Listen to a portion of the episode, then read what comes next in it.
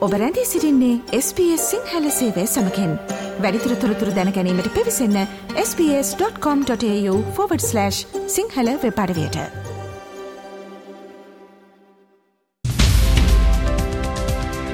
මවබිමින් පුවත්. ඔස්ට්‍රේලියාවේ අද උදැස්ස නවද විට ශ්‍ර ලංකාවෙන් වාර්තාාවන ප්‍රධානතම පුවත් කිහිපය මෙන්න. අද ජනවාරි මාස දහටවනිදා ඒ දිනේ ශ්‍රී ලංකාවේ සිදුවීම් දෙස අපි අවධානයොමු කරන වෙලාව මෞබිමෙන් පුවත් විශේෂාංගය. භාරත ලක්ෂ්මන් ප්‍රේමචන්ද්‍ර ඝාතනය සම්බන්ධයෙන් අධිකරණය දුමින්ද සිල්ලා හිටපු පාර්ලිමේන්තු මන්ත්‍රීවටට ලබා දුන්නු තීන්දුව ඊයේ දවසේ තවදුරටත් අධිකරණය තහවුරු කළා. අපි දැක්ක මීට කලින් ජනාධිපති සමාව ගෝඨාභය රාජපක්ෂ ජනාධිපතිවරයා දුමින්ද සිල්ලා හිටපු මන්ත්‍රීවරයාට ප්‍රදානය කිරීමේදී නිසි නීතිමය පටිපාටි අනුගමනය කරලා නෑ. ඒ හින්දා ආණ්ඩුක්‍රම ව්‍යවස්ථාවේ උල්ලංඝනය කරලා තියෙනවා කියලා තීන්දුවක් ලබා දෙන්න කියලා සුමනා ප්‍රේමචන්ද්‍ර භාරත ලක්ෂ්මන් ප්‍රේමචන්ද්‍ර මාගේ බිරිඳ ඒ වගේම හිරුනිකා ප්‍රේමචන්ද්‍ර ඔහුගේ දියණිය ඒත් එක්කම ගසාලි හුසේන් කියන නීතිඥවරයා ඉදිරිපත් කරලා තිබුණා. පෙත්සම්. මේ පෙත්සම් විභාග කිරීමෙන් පස්සේ මරණය දණ්ඩනය නිම වෙලා තියෙන දුමින්ද සිල්ල හිටෝ පාර්ලිමේන්තු මන්ත්‍රීවරයාට මේ ජනාධිපති සමාව ප්‍රධානය කිරීමේදී ගෝටාබේ රාජපක්ෂ හිටපු ජනාධිපතිවරයා නිසි පියවර අනුගමනය කරලා නෑ ඒ හින්දා මේ තීන්දුව බල රහිත කරන්න ශ්‍රේෂ්ඨාධිකරණය තීන්දුව කරා. ඒ අනුව දුමින්ද සිල්හපු මන්ත්‍රීවරයාට ලබා දීලා තියෙන මරණීය දණ්ඩනය ඊට අදාළ නියෝගය තහවුරු කරන්න අධිකරණය කටයුතු කළා. ඒ අනුව බන්ධනාගාර කොමසාරිස් ජනරාල්වරයාට අධිකරණය නියෝග කරා. දුමින්ද සිල්ලා හිටපු මන්ත්‍රීවරයාට පනවලා තියෙන දඬුවම ක්‍රියාත්මක කරන්න පියවර ගන්න කියලා.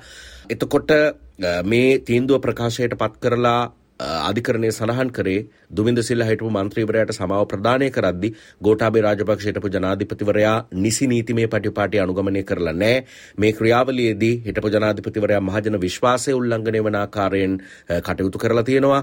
ඒත් එක්කම ජනාධිපති සමාව පිරිනැමීමේදී ජනාධිපතිවරයා අධිකරණයට පිළිගත හැකි කරුණු ඉදිරිපත් කරලා නෑ මේ සමාව ලබාදීමට කියලත් අධිකරණය තීන්දු කර යනු දුබින්ද සිල්ලා හිටු පාර්ලිමේන්තු මන්ත්‍රීවරයට ලබල දුන්නු මරණය දණ්ඩනය තහවුරු කරා අධිකරණය නැවත වතාවක් භාර්ත ලක්ෂ්මන් ප්‍රේමචන්ද්‍ර මන්ත්‍රීවරයාගේ පාර්ශවයෙන් ඉදිරිපත් කරලා තිබුණු පෙත්සම විභාග කිරීමෙන් අනතුරුව. මේ වර්ෂය මැතිවරණ වර්ෂයක් කියලා ප්‍රකාශයට පත් කරා ජනාධිපතිවරයා. මේ අවුරුද්ධ අග ජනාධිපතිවරණය පවත්වන්න නියමිතයි කියලා සඳහන් කරලා තිබුණා. ඒ අතරේ දේශපාලන පක්ෂ සඳහන පිහිටුවන්න උත්සා කරන ආකාරයක් දකින්න තියෙනවා. ඒවගේම තමන්ගේ කණ්ඩායම් හැරගිය කඳවුරු පාර්ලිමේන්තු මන්ත්‍රීවරුන් නැවත හිටපු තැන්වලට එක්කාසු කරගන්න ගන්න උත්සාහයන් පිළිබඳව වාර්තා වෙනවා. අපි දැක්ක පහුගිය දවසක නාමල් රාජපක්ෂ හිටපු අමාත්‍යවරයා වර්තමාන පාර්ලිමේන්තු මන්ත්‍රීවරයා කියලා තිබුණා ශ්‍රී ලංකා පොදුජන පෙරමුණේ මන්ත්‍රී කණ්ඩායම් එක්ක විශේෂයෙන්ම නිදහස ජනතා සභාව වගේ ශ්‍රී ලංකා පොදුජන පෙරමුණ හැරගිය කණ්ඩායම් එක්ක ආයිමත් සාකච්ඡා කරලා ඔවුන් පොහොට්ටුවට ශ්‍රී ලංකා පොදුජන පෙරමුණට සම්බන්ධ කරගන්න උත්සාහ කරනවා කියලා. හැරගිය කණ්ඩායම් සමග සාකච්ඡා කරන්න නාමල් රාජපක්ෂ මන්ත්‍රීවරයා කටයුතු කරනවා කියලා සඳහන් කරලා තිබුණා. ඒ පිළිබඳව ඊයේ දවසේ මාධ්‍ය නැවත නාමල් රාජපක්ෂ මන්ත්‍රීවරයාගෙන් විමසීමක් කළා. මේ ඊට ඔහු ලබා දුන්නු පිළිතුර. අපි නියෝජනය කරන දේශපාලන බලවේගය තුළ අපි විශ්වාස කරන දේශපාලන ප්‍රතිපත්තිවල ඉන්න ඕනෑම දේශපාලන පක්ෂයක් නායකයෙක් කණ්ඩායමක් එක සාකච්ඡා කරන්න එකකතාවයන් වලට එන්න සහ මේ අද අපි රටේ පත්වලා ඉන්න මේ අර්බුදයෙන් එළියට එන්න ඕනෑම දේශපාලන බලවේගයක් එක්ක සාකච්ඡා කරන්න අපි සූදානම්. අපි මේ කඳවුර ආරක්ෂා කරපු දේශපාලන නායකයෝ පක්ෂ එක්ක සාකච්ඡා කරන්න අපි අමනාප වෙන්න ඕනේ නැහැ. ඒ හින්දා මම හිතන්නේ අපි අයත් දෙක සාකච්ඡා කළ යුතුයි කියලා මම විශ්වාස කරනවා. අපේ පක්ෂ අතහැරලා ගිහපු අයත් දෙකත් අපි සාකච්ඡා කළ යුතුයි. එන්න එන්න මැතිවරණ ලංවත්ම දේශපාලන පක්ෂ තමන්ගේ මැතිවරණ ප්‍රචාරක ව්‍යාපාර ආරම්භ කරලා තියෙනවා. සමහර පක්ෂ සන්ධානගත වෙන්න උත්සාහ කරනවා. බොහෝ පක්ෂ සන්ධාන සමග විශ්වාස කරලා තියෙද්දි අපි දකිනවා ජාතික ජනබලවේගයේ ජනතාව අතරට ගිහිල්ලා ජනතාව දැනුවත් කරලා තමන්ගේ මැතිවරණ ව්‍යාපාරය වෙනුවෙන් නෙම නැත්නම් තමන්ගේ පක්ෂය වෙනුවෙන් ජනතා කැමැත්ත ලබා ගන්න අවශ්‍ය කාරණා මොනවද කියලා සමාජගත කරමින් ඉන්නවා. ඊයේ දවසෙත් ජනතාව අමතපු ජාතික ජනබලවේගයේ නායක අනුරුකුමාර දිසානායක මන්ත්‍රීවරයා ජනතාවට ආරාධනා කළේ මේ වගේ මොහොතක මේ කණ්ඩායම් පරාජයට පත් කරන්න සියලු බෙහෙද අතඇරලා කලින් බලපු නිර්ණායකයන් අමතක කරලා ජනතාව පෙළගැස්විය යුතුයි කියන කාරණය නැවතත් ජනතාව අතරට අරගෙන ගියා. මේ පිළිබඳව තවදුරටත් අදහස් පළ කරපු අනුරුකුමාර දිසානායක ජාතික ජනබලවේගයේ නායකතුමා. මේ කඩාවැටු ශ්‍රී ලංකාව ගොඩනැගීම සඳහා නව ජාතික පිබිදීමක් අපිට අවශ්‍යයි. නව ජාතික නැගිටීමක් අවශ්‍යයි. අපි මේ කරන්නේ හුදු ඡන්ද පොලට ගිහිල්ලා කතර ගහන කතාවක්ම නෙවෙයි. සියලු බෙදීම් පැත්තකින් තියමු. දේශපාලන බෙදීම් පැත්තකින් තියන්න. මොකටද බෙදින්නේ? දැන් මේ ගම්වල කොච්චර ශ්‍රී ලංකාකාරය UMP කාරය බෙදිලා හිටියද? ජනතාව හැමදාම ගහගෙන මහින්ද රනිලු හැමදාම කේක් කපනවා. බෙදිලා වැඩක් තියෙනවා. බෙදෙන්න එපා. අපිට මේක දේශපාලන වශයෙන් අපි ඒගොල්ලන් එක බෙදමු. ගම්වල බෙදෙන්න එපා අපි. දැන් තියෙන මේක දේශපාලන වැඩක් නෙමෙයි. කුල පැත්තකින් තියමු. ජාතිවාදී ඒවා පැත්තකින් තියමු. පක්ෂ පැත්තකින් තියමු. මුළු ගම් දනව් එකට අපි පොතිබඳිමු. මේ දේශපාලන පරිවර්තන ඇති කරන්න අපි පොරබත්. දැනට රජයේ පාර්ලිමේන්තුර ඉදිරිපත් කරලා තියෙන ප්‍රතිත්‍රස්ත පනසට එරෙහිව ඊයේ දවසේ ආයමත් අධිකරණයට පෙත්සමක් ගොනු කළා. මේ ප්‍රතිත්‍රස්ත පනත ඉදිරිපත් කරද්දී මේ කෙටුම්පතේ ඇතැම් වගන්ති.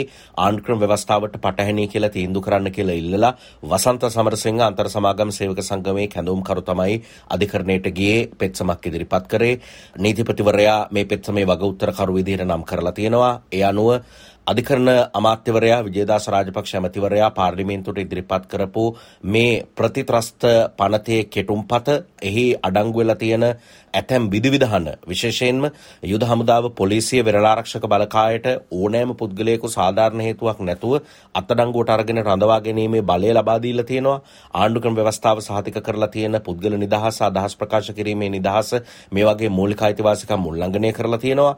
ඒ නිසා මේ පනත පාර්ලිමේන්තුවේ සම්මත කරගන්නවා නම් තුනෙන් දෙකක බහුතරයක් ඒ වගේම ජනමත විචාරණයක් ඒ සඳහා පාවිච්චි කරන්න කියලා ඉල්ලලා එහෙම තීන්දුවක් ලබා දෙන්න කියලා අධිකරණයෙන් ඉල්ලීමක් ඉදිරිපත් කරලා තියෙනවා. මීට කලිනුත් අපි දැක්කා විජිත හේරත් ජාතික ජනබලවේගයේ පාර්ලිමේන්තු මන්ත්‍රීවරයාත් මේ කාරණා පදනම් කරගෙන අධිකරණයට පෙත්සමක් ගොනු කරලා තිබුණා. පාර්ලිමේන්තුවේ ප්‍රතිත්‍රස්ත පනත නීතියක් විදියට සම්මත කරගන්නවා නම් පාර්ලිමේන්තුවේ තුනෙන් දෙකක බහුතරයකින් සම්මත කරගන්න සහ ජනමත විචාරණයක් ලබා ගන්න කියලා ඉල්ලීමක් කරලා තමයි මේ පෙත්සම ඉදිරිපත් කරලා තිබුණේ ඊට ඊයේ දවසේ වසන්ත සමරසිංහ මන්ත්‍රීවරයාත් තවත් පෙත්සමක් අධිකරණයට ඉදිරිපත් කළා. මද්‍රව්‍ය ජාවාරම්වලට සහ පාතාලයට සම්බන්ධ පුද්ගලයන් නීතිය රැහැනට හසු කරගන්න ලංකාව තුළ එවැනි තත්ත්වයන් වර්ධනය වෙලා තියෙනවා නම් ඒවා මර්ධනය කරන්න යුක්තිය මෙහෙයුම ආරම්භ කරලා තියෙනවා.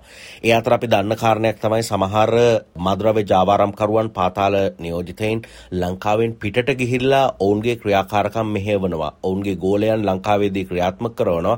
හැබැයි ඒ කණ්ඩායම් ප්‍රධාන සැකකරුවන් ඉන්නේ ලංකාවෙන් පිට. ලංකාවේදී මේ මෙහෙයුම් සිද්ධ කරත් රට තුළ රැඳී ඉන්න කණ්ඩායම් අත්අඩංගුවට ගත්තත් ඔවුන්ට නීතිය ක්‍රියාත්මක කරත් මේවා මෙහෙවන විදේශගතව මේ කටයුතු සිද්ධ කරන ක්‍රියාකරුවන් අත්අඩංගුවට ගන්න යුක්තිය මෙහෙයුම තුළ උත්සාහ කරනවාද නැද්ද කියන කාරණය පිළිබඳව මාධ්‍යවේදීන් ටිරාන් අලස් මහජන ආරක්ෂක අමාත්‍යවරයාගෙන් විමසුවා. මේ ඊට පිළිතුරු ලබා දුන්නු අමාත්‍යවරයා. රටවල විශේෂයෙන් දුබායි වල ඉඳලා ඉවරලා මේ පාතාල මෙහෙයුම් කරනවා කුඩු අපරාධ සියල්ලම කරනවා කියලා. ඔවුන් අත්අඩංගුවට ගැනීම සඳහා යම්කිසි විශේෂ වැඩපිළිවෙලක් නැද්ද මේ දුබායි වල ඉඳලා? අපි වැඩපිළිවෙල කරගෙන යනවා. අපි ඒ රජයන් සමග සාකච්ඡා කරනවා කරමින් සිටින්නේ සමහර වෙලාට ඒ රටවල් වල නීති රීති අනුව මේක එක පාට දවසෙන් දෙකෙන් කරන්න හම්බ වෙන්නේ ඉතින් අපි සාකච්ඡා කළා හැකි ඉක්මනින් ඒ සියලු දෙනාවම මෙහෙට ගෙන්න ගන්න තමයි මගේ අදහස. ඉතින් නාඳුන තුවක්කුකරුවන්ගේ නැවතත් ඔවුන් හිසෝසවනවා. මේ ටිකේම යම් කිසි ආකාරයකින් මිනිමරුන් වාර්තා වුණා. ඔව් දෙකක් ඊයේ එකක් තිබුණා ඊට කීප දවසකට ඉස්සලා එකක් තිබුණා නමුත් ඉතින් අපි සියලු දෙනාම දැනගන්න ඕනේ මේ වැඩි තැබීම් වෙන්නේ එක කල්ලියක් අනිත් කල්ලියට වැඩි තැබීම එමනම් හෙටත් මවබිමෙන් පුවත් විශේෂන්ගෙන් හමුවන බලාපොරොත්තු ඇතිව සමුගන්නවා මම ශ්‍රී ලංකාවේ සිට මනෝජ් උදටියාවල. මවබිමෙන් පුවත් ශ්‍ර ලංකාවෙන් වාර්තාාවන ප්‍රධානතම පුවත් කිහිපය SBS සිංහල සේවෙන්.